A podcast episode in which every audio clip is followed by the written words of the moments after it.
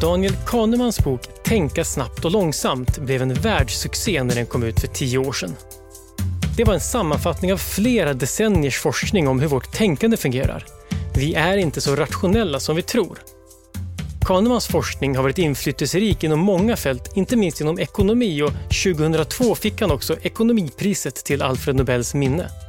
Nu har hans nya bok kommit. Den heter Brus och här fortsätter Kahneman reda ut varför det känns som om vi har rätt när vi tänker fel.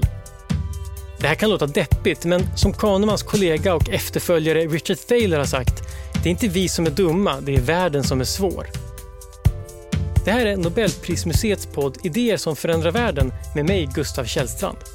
Idag ska det handla om alla fel vi gör när vi tror att vi gör rätt.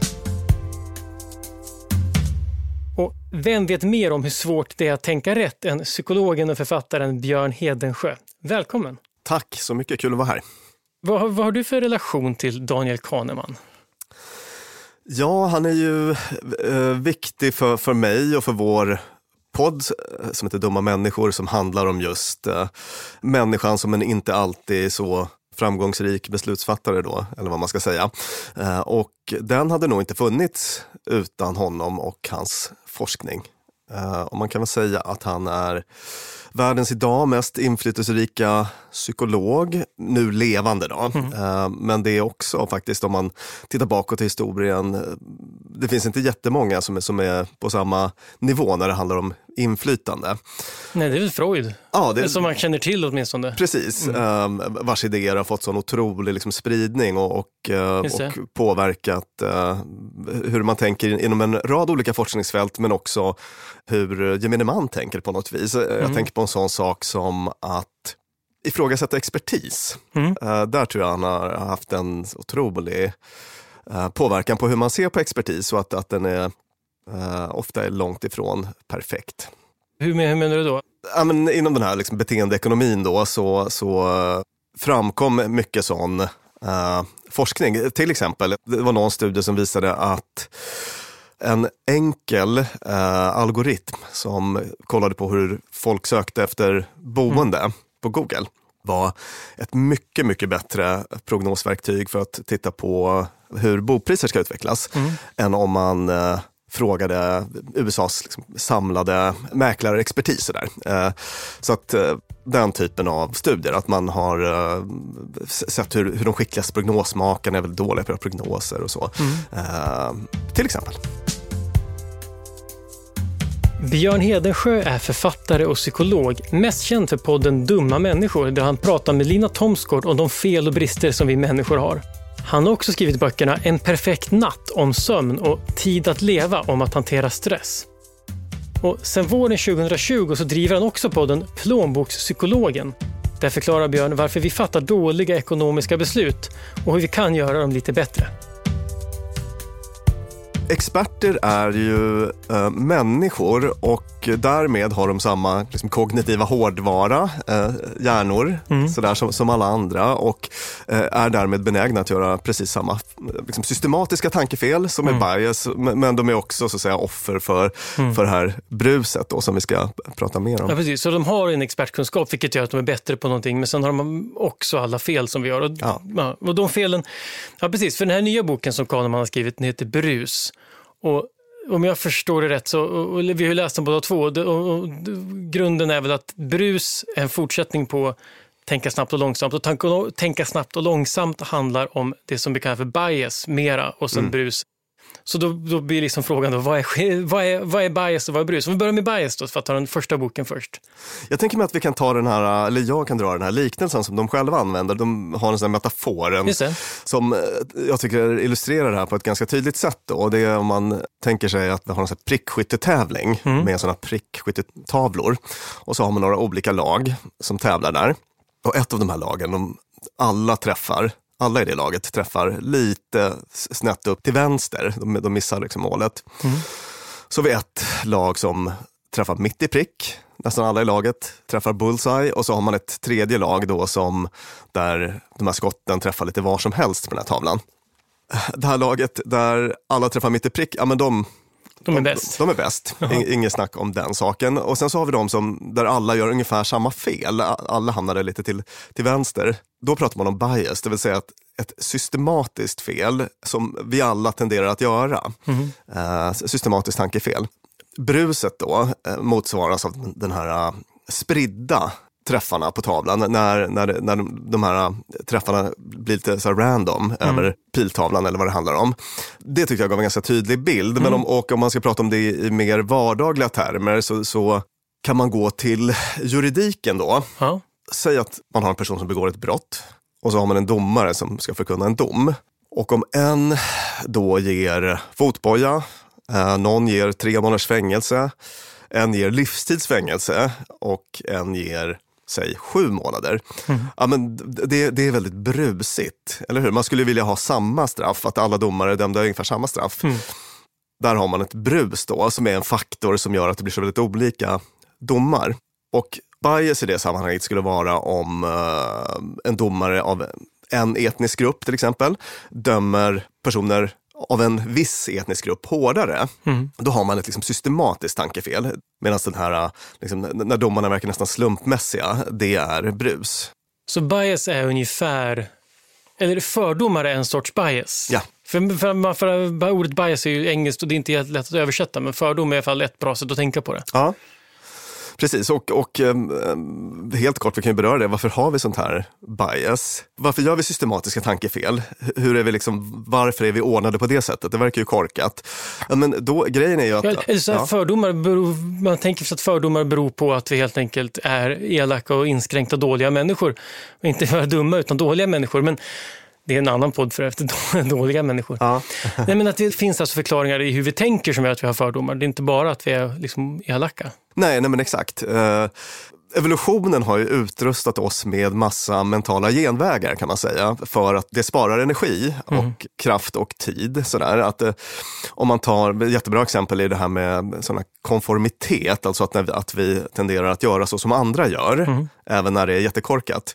Jag, var- jag var på en flygplats till exempel. Eh, före pandemin, kom hem sent någon natt och man vill bara hem sådär som det är. Och så rätt vad det är så ser jag en lång kö som står i den här gången när man går eh, mot, mot utgången. Ja, vad är det här för konstig kö? Men jag, jag ställer mig i den och eh, den liksom fylls på. Och så till slut står det väl 200 personer i den här kön. Och efter ett tag så, så tänker jag, men nu måste jag kolla vad det här är för något. Ja, men då visar det sig att folk står i kö bakom några killar som står och tittar på tiden när deras eh, Eh, anknytande flight går eller så. Så att man, tenderar att göra som andra helt oreflekterat. Och det har ju då genom vår evolutionshistoria ofta varit väldigt bra. Så att säga, att man, och, och det är ofta bra för oss.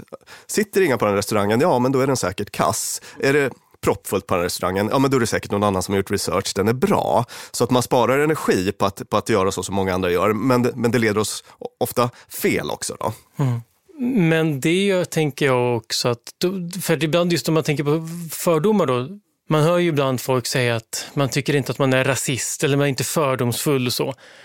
Men ändå så säger man massor av rasistiska saker. Och det kan vara så att man faktiskt inte tänker att man är, för man har ingen övertygelse bakom varför man är, har de här åsikterna. Nej.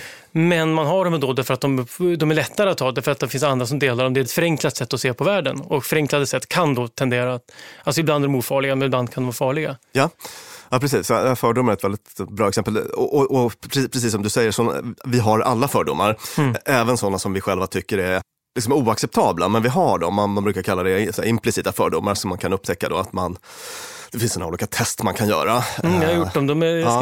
de är rätt spännande. Ja, de är spännande och lite, obehagliga. lite obehagliga. Jag upptäckte till exempel till min fasa när jag gjorde ett sånt att jag hade lite fördomar mot äldre. Eh, sådär som jag aldrig någonsin skulle liksom, acceptera att uttala så att säga. Just det. ja. Och de, de där beror på att vi har helt enkelt mekanismer i hjärnan. Och det som många tror jag har hört om Kahnemans tänka snabbt och långsamt, det är de här systemen 1 och 2. Ett är snabbt och ett är långsamt. Ja. System 1 är det snabba eh, och, det är det här vad ska man säga, omedelbara, impulsiva, oreflekterade magkänsle beslutssystemet. När man ser något och eh, drar blixtsnabbt slutsatser utifrån det. System 2 är det långsamma, reflekterande, analytiska eh, och eh, mer eftertänksamma. Och det, om man, när man låter det fungera så blir man mindre... Eller då lyssnar man inte på sina fördomar, man tänker efter en gång till. Ja, just det. Mm. Daniel Kahneman har gjort sina viktigaste upptäckter tillsammans med psykologen Amos Tversky. De träffades i Israel på slutet av 1960-talet och la sedan under några decennier grunden för mycket av dagens beteendepsykologi. Det här samarbetet blev väldigt dynamiskt eftersom de var så olika. Kahneman var pessimist och Tversky optimist. Kahneman var alltid säker på att han hade fel och Tversky alltid säker på att han hade rätt. Och olikheterna blev inte ett hinder eftersom de var överens om slutmålet, att hitta de enkla men ändå grundläggande funktionerna i människans sätt att tänka. Tversky dog 1996, men många tror att om han hade levat 2002 så hade han varit med och delat priset med Kahneman. System 1-fel, eller vad vi ska kalla det, alltså när vi drar väldigt mycket slutsatser utifrån lite information. Mm. Uh, till exempel, jag ser en man med skägg och tänker det där måste säkert vara en farlig person. Jag kanske har den typen av fördomar. Jag liksom känner det i hela, i hela kroppen på något vis. Eh, alltså, den typen av systemfel är ju liksom osynliga för oss. Vi liksom märker inte att vi gör dem. Och jag tänker att så är det väl med, med, med brus också. Då, att, att man kan komma en bit bara genom att liksom reflektera och lyfta upp saker på system 2-nivå. Men, men det där kommer vi återkomma till när vi pratar om lösningar på det här med, med brus. Men skillnaden är, om man tänker så, skillnaden är helt enkelt att brus är det osystematiska. Det är det osystematiska, mer eh, slumpmässiga. De har väl ordet variabilitet i boken en hel del. Det är väl lite krångligt, men, men det betyder väl helt enkelt spridning. Oönskad spridning. Oönskad. Precis, så att de här domarna som jag tog upp ett exempel, att, att, mm. att, att de verkar liksom slumpmässiga för samma brott, eller att, att det är så väldigt olika då, om man har ett sånt scenario. Eh, det är ju en oönskad variabilitet. Man vill ju att det ska vara samma dom för samma brott. Och domare, det är också en sån sak som man har, det är inget slumpmässigt exempel du väljer, utan det är för att Nej. det har Kahneman tittat på och med flera. Precis, det, det var vissa fält då som de fokuserar extra mycket på eh, och väldigt, väldigt mycket intressant och liksom rolig eh, forskning. Eh, rolig, också allvar, liksom allvarliga systemfel, så där, men väldigt, väldigt intressant forskning kan man säga. Från till exempel rättssystemet, mm. men också från hälsovården och sådär. Eh, där man ju verkligen vill att saker och ting ska funka och att beslut ska vara förankrade och, och rimliga, men där det ofta är liksom väldigt mycket brus som stör. Ja, för både hälso och sjukvården och domare, det illustrerar ju det dåliga med, med det på ett väldigt talande sätt och varför också brus är ett problem. För som mm. sagt, i ens vardagliga liv kanske inte gör så mycket om man gissar fel eller är lite slumpmässig, men för en domare är det ju, och en läkare måste det vara allvarligt. Precis, det, det, det spelar ju stor roll om man får en livstidsdom eller fotboja. Sådär. jo, verkligen. Um, men Kahneman pratar också om att det finns flera olika sorters brus. Mm. Om vi stannar i rättssystemet då, mm. Eh, så kan vi göra det här tydligt med konkreta exempel. Så pratar han om nivåbrus. Eh, säg att du har eh, en domare som ger väldigt milda domar. Du har fotboja-domaren. Och sen så har du en domare som är på en annan nivå, så att säga, och alltid ger livstid för samma brott fortkörning, säger vi. Så att liksom beroende på vilken person den här fortköraren hamnar inför i, i rättssalen så blir det väldigt olika domar, olika nivåer. Mm. Och sen så finns det något som kallas mönsterbrus. Mm. Den här domaren som dömer strängare, han som gav livstid vid fortkörning, han kanske har en väldigt så weak spot för golfare. Han, han gillar folk som spelar golf. Mm. Så att om det skulle vara en fortkörare som spelar golf så, så ger han helt plötsligt en väldigt mild dom, då blir det fotboja. Alltså att det finns en liksom, variabilitet inom den här äh, enskilda domaren. Att en, en viss domare kanske är strängare än andra, eh, normalt sett, men mildare mot folk ur, ur just en viss social grupp. Mm. Eh, och en annan som är mild för det mesta kanske är sträng mot återfallsförbrytare eller så. Just, men båda de här är på något sätt förutsägbara ändå? Så de... Ja, det, det, skulle man ju kunna studera och, och hitta, hitta mönster i. Men vad skiljer den från mot bias då? Är det att det finns liksom ingen systematik genomtänkt bakom det hela, utan det är ganska slumpmässigt, men det ändå, finns ändå förutsägbarhet? Ja, alltså bias skulle ju vara då om, om så att säga, alla domare i hela världen mm, okay. var, var, mildare eh, mot golfare. Mm. Ett, ett, delat systematiskt fel. Och slutligen då så har vi det som kallas situationsbrus och det är väl det jag tycker är kanske allra mest spännande, eller tyckte var mest spännande i, mm. i boken. Och det är det brus som uppstår på grund av en massa situationsbaserade faktorer i ett visst ögonblick. Och jag ska förklara vad jag menar med det. Eller jag kan citera Kahneman faktiskt. Ja. Jag skrev ner några rader ur hans bok här. Vi har förstås alla upplevt hur vi ändrat uppfattning även utan tillgång till ny information. Filmen vi skrattade så gott åt igår väcker idag ganska ljumma reaktioner. Personen vi var så dömande mot igår har vi idag överseende med och ett argument vi ogillade eller inte förstod sjunker in och framstår nu som helt avgörande. Så att liksom, beroende på vilken situation man är i så, så kan, eh, kan vi fatta helt olika beslut och ibland utan att ens så att säga, förstå varför det är på det sättet. Eh, och, och det finns en massa faktorer som påverkar det där.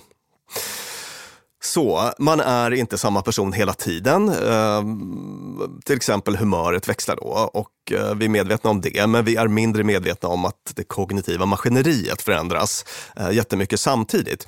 Och jag ska, kan ge några exempel från några studier som finns då. Hör på det här, den här tyckte jag var kul. Att bara 18 procent av vinerna fick samma poäng när amerikanska vinexperter i så blindtest fick betygsätta samma vin flera gånger. Bara 18 procent. Mm. Är, inte det? Och återigen, apropå det här med liksom expertis. Att man ska ha en hälsosam skepsis mot expertis, det förstår man när man hör den typen av... En intressant sak där är att det där betyder inte att de är dåliga på att smaka vin, utan det betyder just det som säger, man är inte sam, de är inte samma personer, de Nej. tycker inte samma Nej. sak. För de är förmodligen lika bra på att känna igen om vinet är en bourgogne eller en bordeaux. Ja. Det är inte det det här 18 procenten mäter, att de Nej. inte vet vad det är, utan det är vad de tycker som är det viktiga, eller hur? Precis, exakt. Och jag menar, med expertis kan man säga så här att, att nu har jag sagt att man ska vara skeptisk mot mm. expertis, men det är ju också så att om man vill ha ett vaccinationsråd så ska man vända sig till en läkare och inte till en, till en yogalärare. Så att säga. Jag menar, expertisen har ett värde, men, mm. men, men, den är oftast liksom mindre än vad man tror. Mm. Uh, ett annat exempel då, uh, en studie visade att när 22 läkare fick bedöma bilder av förträngda kranskärl så var de oense med sig själv i 63 procent av fallen. Så oense med sig själv. Det är, åter, det är väldigt... så man låter lite tid passera och så får ja. de liksom göra samma bedömning en gång till. Och i 63 procent av fallen så var de oense med sig själv mm. i, i just den här studien.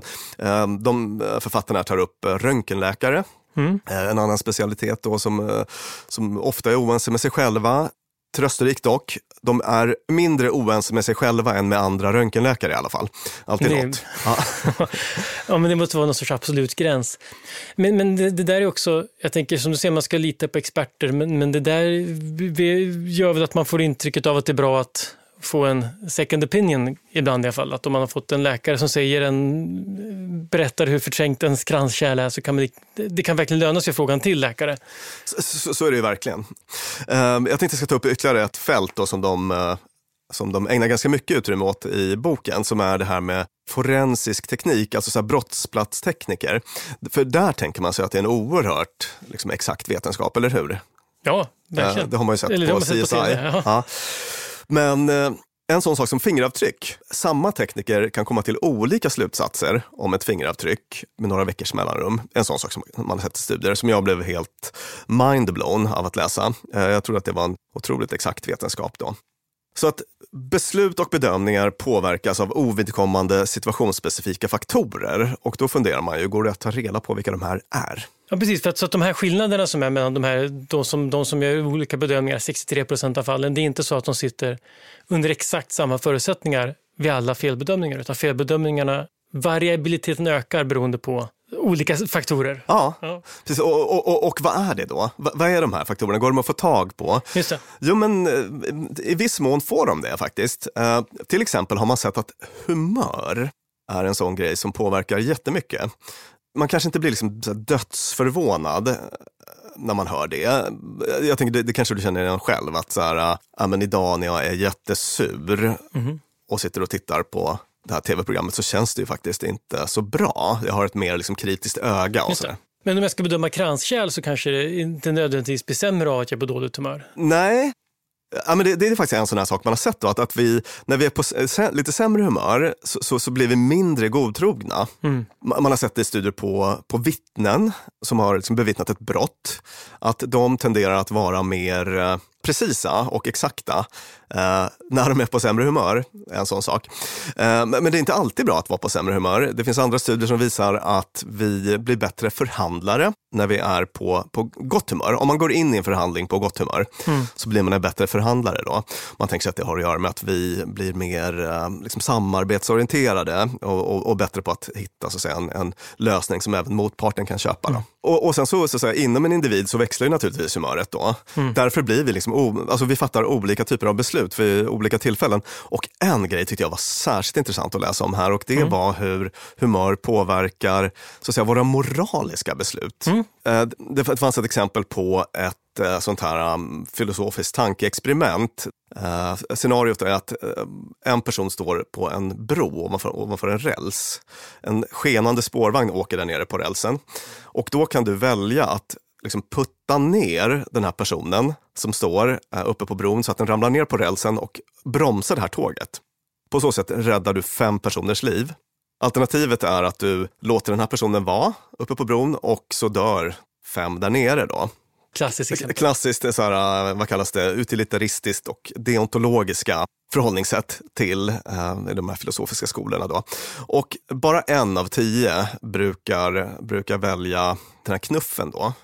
Mm men, men, om man så att säga inducerar gott humör hos försökspersoner, om man liksom skapar gott humör, till exempel genom att folk får se något så här, roligt klipp eller skriva ner en historia med ett positivt minne eller så, då, då, då blir det tre gånger mer sannolikt att man väljer putta ner äh, den här äh, personen på rälsen. Då. Så att till och med moraliska beslut påverkas av, äh, av humör.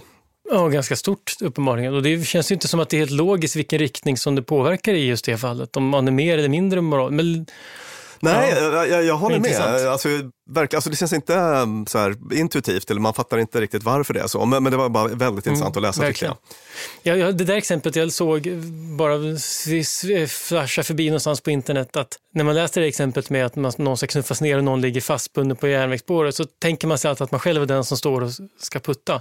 Mm förmodligen så kommer du vara den som ligger på rälsen och väntar på att bli påkörd.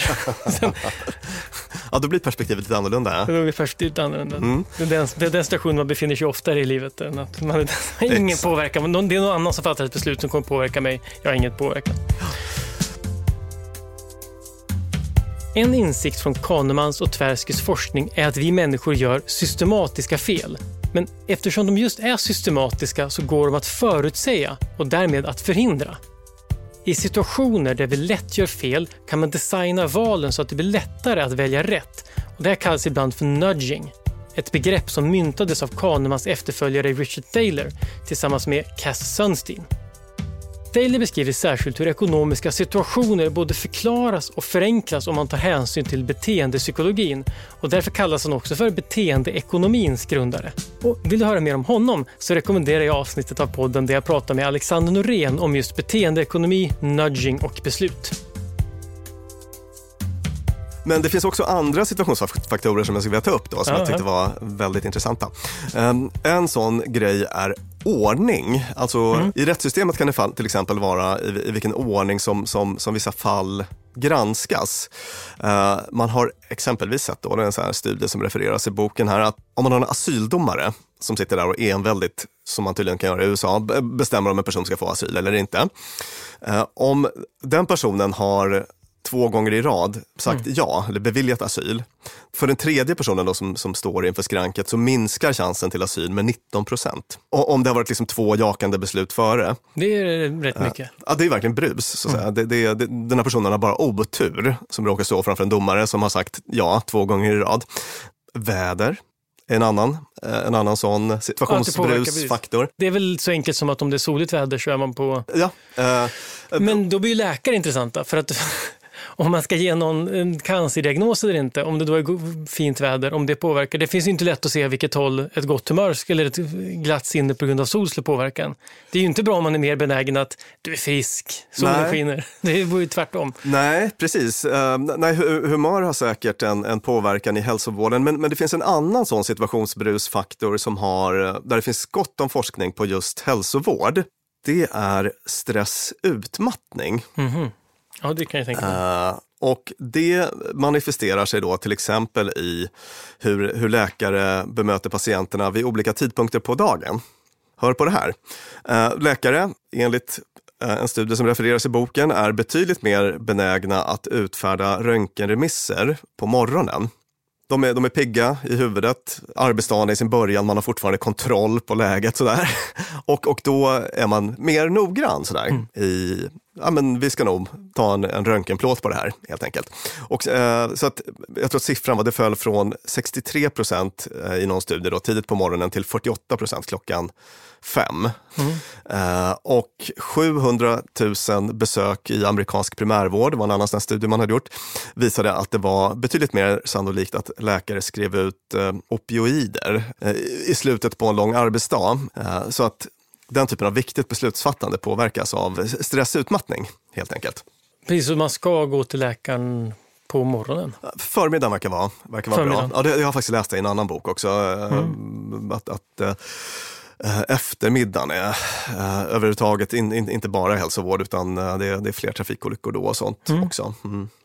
Och, jag menar det här är ju, jag, jag, är ju själv så att säga verksam inom, inom vård. Jag har ju en, en klinik sådär det. och, och det är bara väldigt eh, så ödmjukande och bra tycker jag. Att, att det, det, det är en sån här, om man nu får prata lite om, om Kahneman och den här forskningens mm, betydelse, mm, det är att man får syn på den här typen av grejer och så kan man liksom självreglera. Mm. Så här, okej, okay, jag vet att folk inom vården är särskilt benägna att gå på lite enkla lösningar på eftermiddagen. Mm. Skriva ut opioider eller strunta i röntgenremisser eller vad det handlar om. Okej, okay, vad, vad, kan det betyda för mig, för mig och min verksamhet? Ska jag liksom medvetet ta och, och, och, stanna upp lite och tänka ett varv till innan jag sätter en diagnos eller vad det kan handla om? Mm. Och som du sa, man, man, om, när man vet om det så kan man stanna upp och ta en paus. Men oftast så vet man kanske inte om det eller man, eller man känner i alla fall inte det på sig alltid att man är sämre på eftermiddagen. Mm. Man kanske känner sig trött men man tycker inte att det gör att man är sämre. Nej. Eh, det här med att alla tycker att de är bättre bilförare än snittet, det gäller, ja. gäller väl även klockan tre. Liksom. Ja, ja. Eh, och varför märker vi inte? Det här gäller både bajs och brus, att vi inte märker av det. Varför gör vi inte det? Uh, Kahneman pratar om det här med validitetsvilla. Nej, det är roligt, det är roligt ord.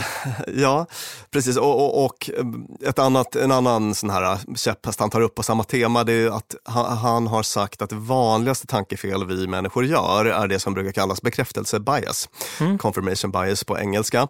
Och det är då alltså att vi eh, är så att säga selektivt uppmärksamma på sånt som bekräftar det vi redan tycker, tänker, känner, vill. Om man har lagt eh, en halv miljon på en fin bil av ett visst märke, då kommer man att vara liksom, selektivt uppmärksam på sånt som bekräftar att man har gjort rätt. Man kommer kanske läsa artiklar som hyllar det här bilmärket. Man kommer se de artiklarna eller rubrikerna och så. Alltså, vi, vi blir så att säga, blinda för sånt, som, för, för sånt som säger emot det vi redan tycker, tänker, känner. Ja, men det där är ju nästan, det där finns ju vetenskap, filosofiska, långa, det är ganska mycket diskussioner om hur man pekar ut det där att om jag säger att ja, men vad det nu kan vara, alla bilar av det här märket är bra bilar och sen radar jag upp exempel på när jag ser en bra bil av det här märket, det filosofiskt sett så har det ingen, varje sånt nytt exempel ger ingen extra stöd Nej. för det här, utan det enda du kan göra är att leta, du ska göra förstås att leta efter dåliga ja. bilar. Det är mm. liksom det enda du kan göra, men det gör man ju inte gärna. Nej. Men det är det enda vi, menar, som gäller. Det, det, här är ju liksom, om man känner till det här fenomenet så, så, så, så, blir, så blir det tydligt för en hur, hur liksom grasserande det är i samhällsdebatt och så. Uh, det är bara att se tillbaka på de senaste åren av covid-debatt mm. uh, och där man har haft lite två, två läger, lite grovt sett då, om vi ska kalla det lockdown-lägret och, och inte lockdown-lägret eller hur vi nu ska förenkla mm. det. Alltså, där tycker jag man har sett liksom, debattörer som har varit alltså, på båda sidor de, det är inte som att de har delat länkar till studier som säger emot deras egen uppfattning. Alltså man har ju sett ytterst få sådana personer som har så att säga, skickat ut länkar på, på studier som, som liksom komplicerar bilden. Utan, utan folk hamnar väldigt lätt i det där att man, man är bara uppmärksam på sånt som bekräftar det man tycker. Mm.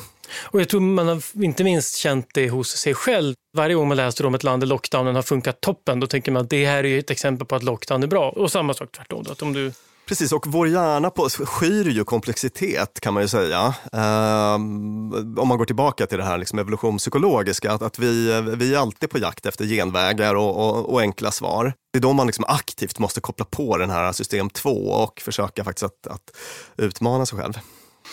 Fast det, det kommer jag ihåg, det var en sak som jag fastnade för i boken. Det finns också människor som faktiskt kan tänka själva och tänka kritiskt, som tycker om att tänka komplext. De pratar om superprognosmakare och människor, men framförallt är begreppet att de har ett högt tankebehov.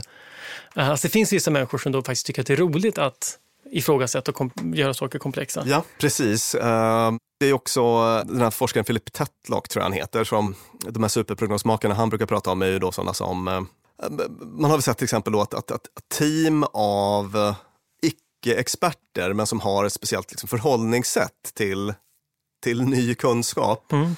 uh, kan eh, slå uh, med god marginal riktiga inom citationstecken experter inom ett visst område. Så att det är liksom en tankestil där man, där man så att säga, utmanar och är öppen öppen för så att säga, svagheter i det egna tänkandet. Om jag tänker att om man då, för om man kombinerar det faktum att vara både expert och ha ett högt tankebehov så måste det vara bra. Men samtidigt att ha det här höga tankebehovet och vilja, det är också det är väl delvis ett lite antisocialt beteende. Att mm. för precis det där att om man sitter vid fikabordet och någon säger att ja, vad bra det är med, låt säga lockdowns, och så sitter alla, ja det är väldigt bra. Och man då omedelbart räcker upp handen och säger, Ja, fast bara för att du såg att det funkade bra i Danmark så betyder det inte att det funkar bra överallt. Nej. Och så, då har man liksom dödat samtalet förutsatt att de andra inte tycker om att tänka komplex, i komplexa termer. Då är man ju igång.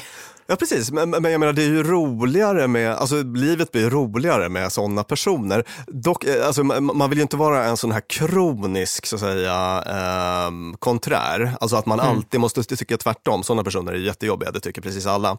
Men, men, men, man ska ju vara en person som vågar vara konträr ibland. Det, det är bra på alla sätt. Och, och det ser man ju inte minst i här gruppprocesser. Det är en grej de tar upp i boken Brus också, då, att, att vi så himla lätt hamnar i liksom konformitet i grupper. Att, att, till exempel en sån sak som vem, vem, den som talar först.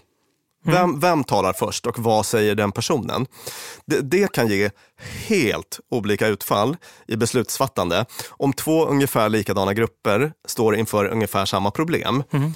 Så att den som talar först i grupp A eh, och den som talar först i grupp B kan, kan, kan göra att det blir helt olika beslut. Så att um, Uh, och då är det ju jättebra om man har lite såna här konträra typer som faktiskt bara, ja men hörru, nu pratade du först men det du sa var jättesnurrigt. Mm. Sådär. Ja, men de skriver just om det här, hur det går till när en person och hur, liksom, hur det där eh, bara snurrar på.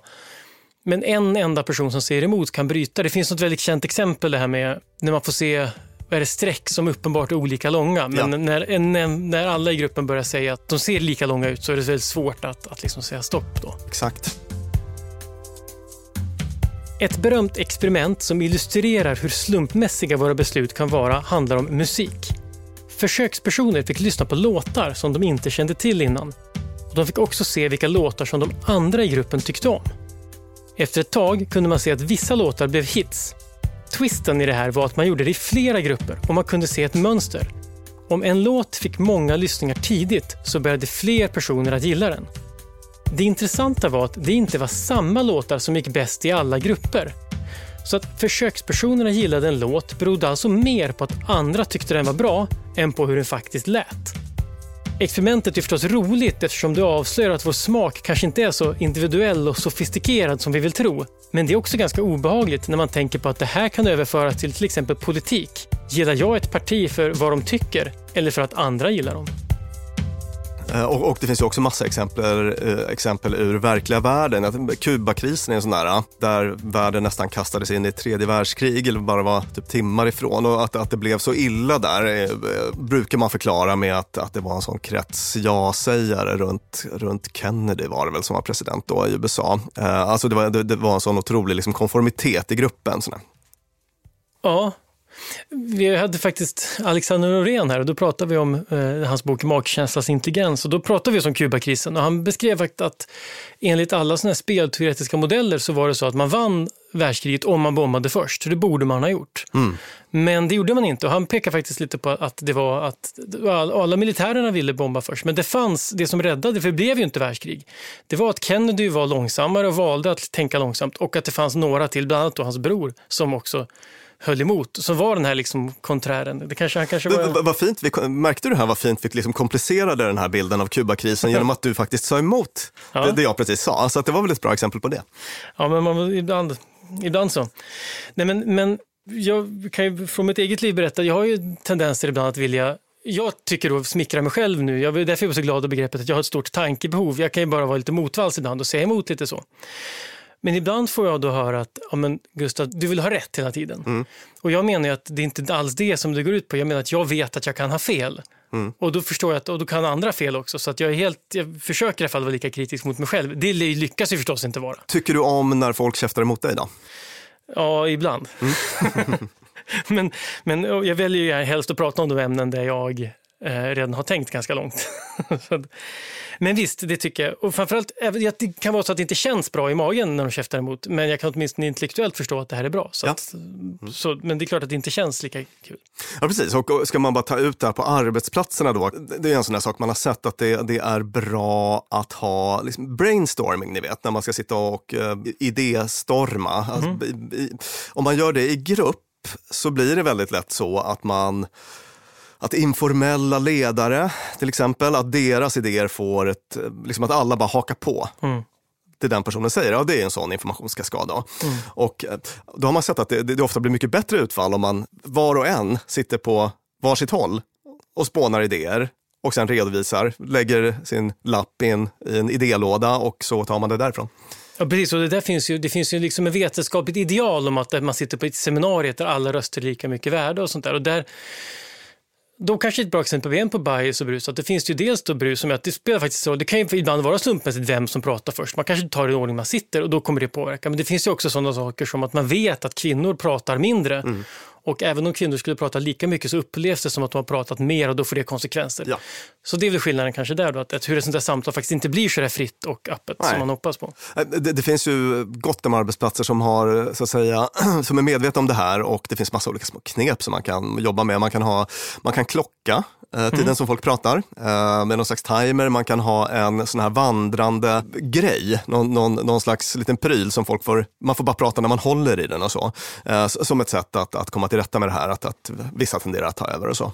Ja, men för det här med att fatta beslut och tänka tillsammans i grupp är svårt. Det finns massa fallgropar. Då som man, men, men, men om man gör, gör det som du är inne på, att man hittar de olika sätten, det kan vara sådana saker, då kan man ändå, då kan grupptänkande då kallas det inte grupptänkande längre, Nej. för det är väl ett begrepp för dåligt. Men då kan tänkande i grupp då vara positivt, eller väldigt nyttigt till och med. Ja, och om vi ska prata om liksom lösningar på brus så handlar det just om att utnyttja kollektivet. Mm. Uh, det, liksom det kollektiva tänkandet. Uh, man kan ta upp det här med liksom massans visdom, tänker jag. Mm, vad är det? Uh, jo, Darwin, du vet, evolutionslärans upphovsman, den skäggiga britten. Mm. Han hade en kusin som hette Francis Galton. Och det är han som sägs vara mannen bakom det här begreppet då, med massans visdom. Uh, han gjorde ett roligt exper experiment. Uh, han, han, bad 787 bybor att uppskatta vikten hos en oxe. Uh, den här oxen vägde 543 kilo och de här gissningarna spretade åt alla möjliga håll. Det kanske var någon som tyckte att den här oxen vägde 80 kilo och kanske någon som trodde att den vägde 1,5 ton. Jag vet inte, men, mm. men det var ett stort spann sådär. Men vet du vad medelvärdet av gissningarna blev? Ja, men jag gissar att det var någonstans i mitten mellan, mellan de mesta och de, de högsta och de lägsta gissningarna.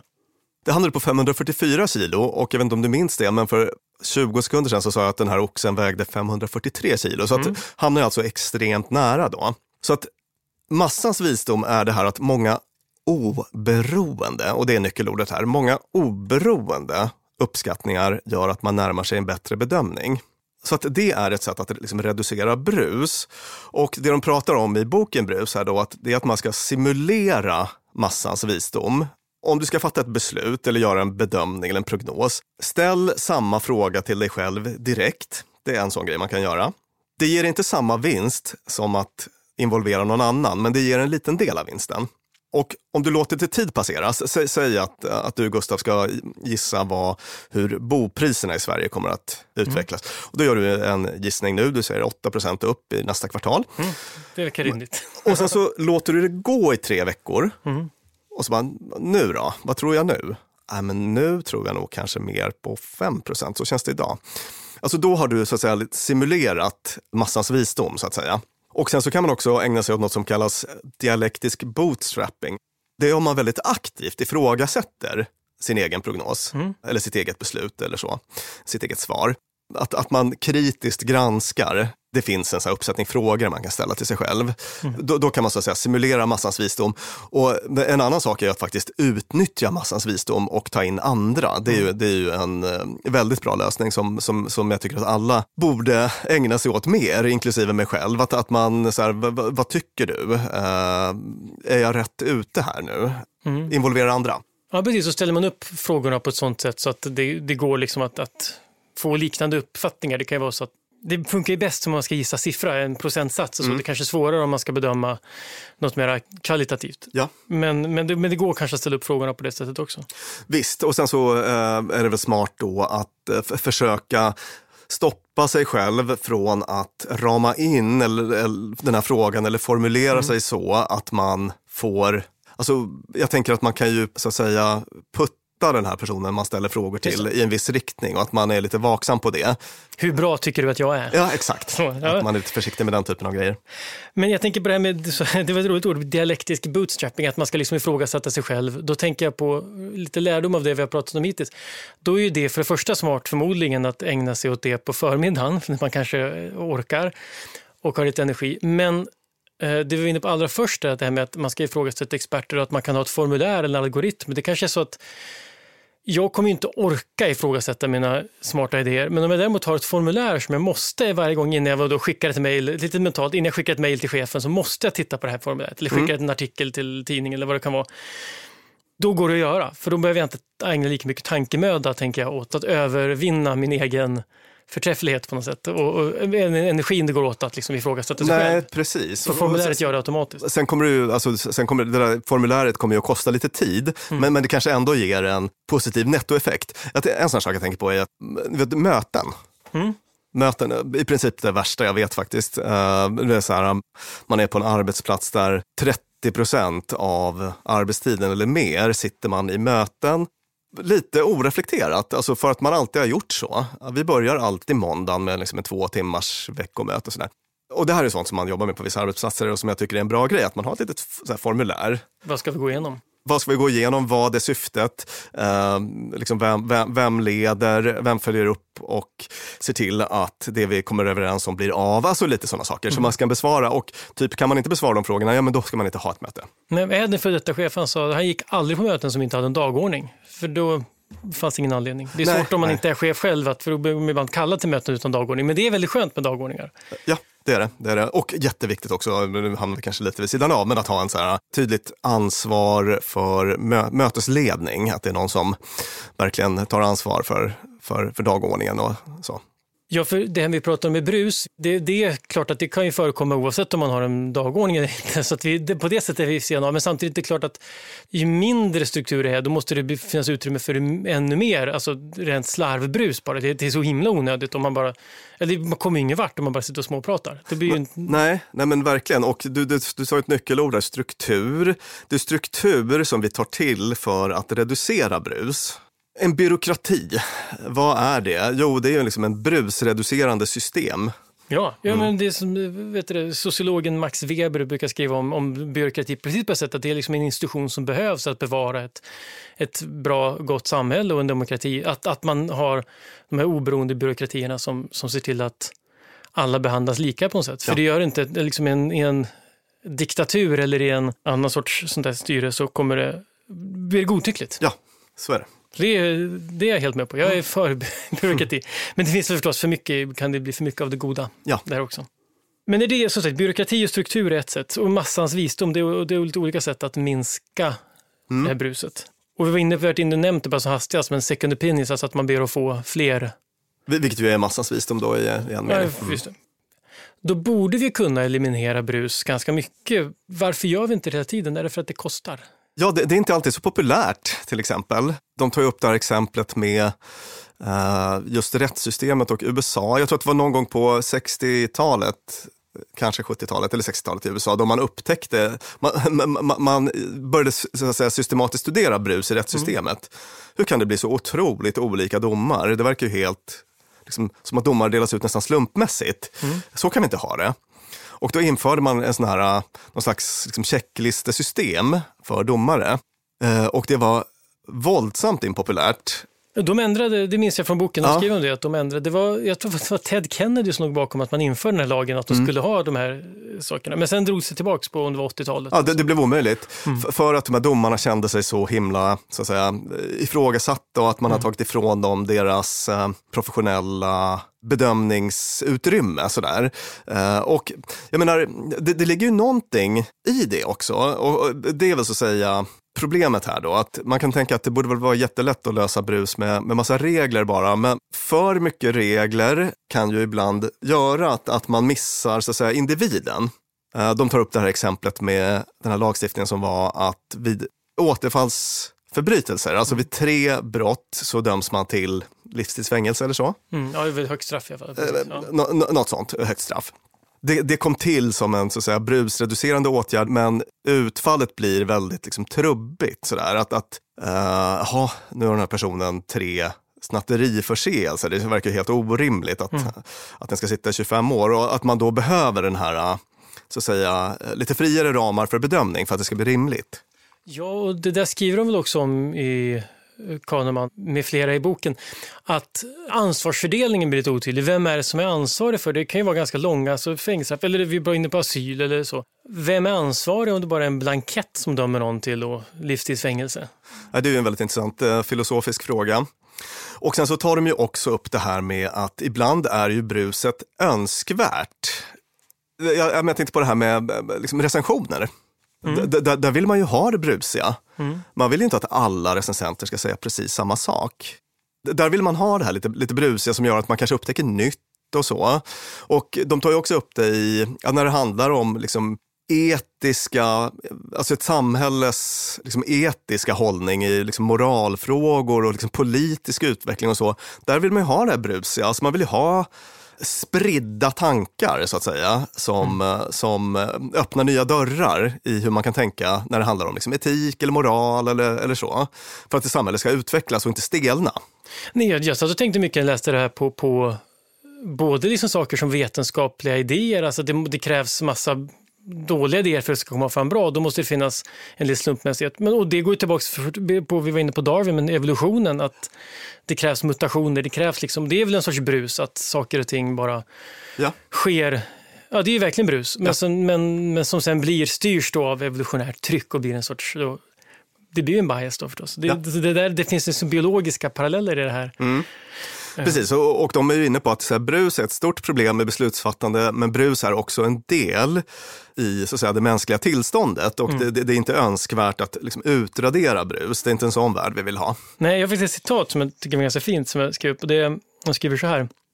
Det unika hos våra personligheter är det som ligger till grund för vår förmåga att skapa nytt och vara kreativa och det som gör oss intressanta och spännande att vara med. Men när vi gör bedömningar så är det unika i oss ingen tillgång. Det är, att det är allt, förutom bedömningar så är allt spännande med oss beror på brus. Ja. men, och, men just när vi ska gissa bostadsmarknadens utveckling så är det dåligt. Precis, och jag menar, det där citatet är väl eh, boken i ett nötskal och därmed väldigt lämpliga slutord. Ja, jag tänker också att det är det. Um, ja, det var snyggt jobbat. Tack så mycket Björn för att du var med och pratade om brus. Tack, det var jättekul. Idéer som förändrar världen är slut för den här gången. Den här podden görs av Nobelprismuseet. Vi finns på Stortorget i Gamla stan. Information om museets utställningar och öppettider finns på museets hemsida nobelprismuseum.se. Du kan förstås också följa oss på Facebook och Instagram. Och vill du veta mer om Nobelpristagarna och deras arbete så gå gärna till Nobelprisets hemsida nobelprice.org. Och ett stort tack till Nibe Group, EF Education First, Knut och Alice Wallenbergs stiftelse och familjen Erling Perssons stiftelse som möjliggör Nobelprismuseets verksamhet. Idéer som förändrar världen görs i samarbete med produktionsbolaget Filt, producent är Andreas Wiklund och jag heter Gustav Källstrand. Vi är snart tillbaka med nya intressanta samtal.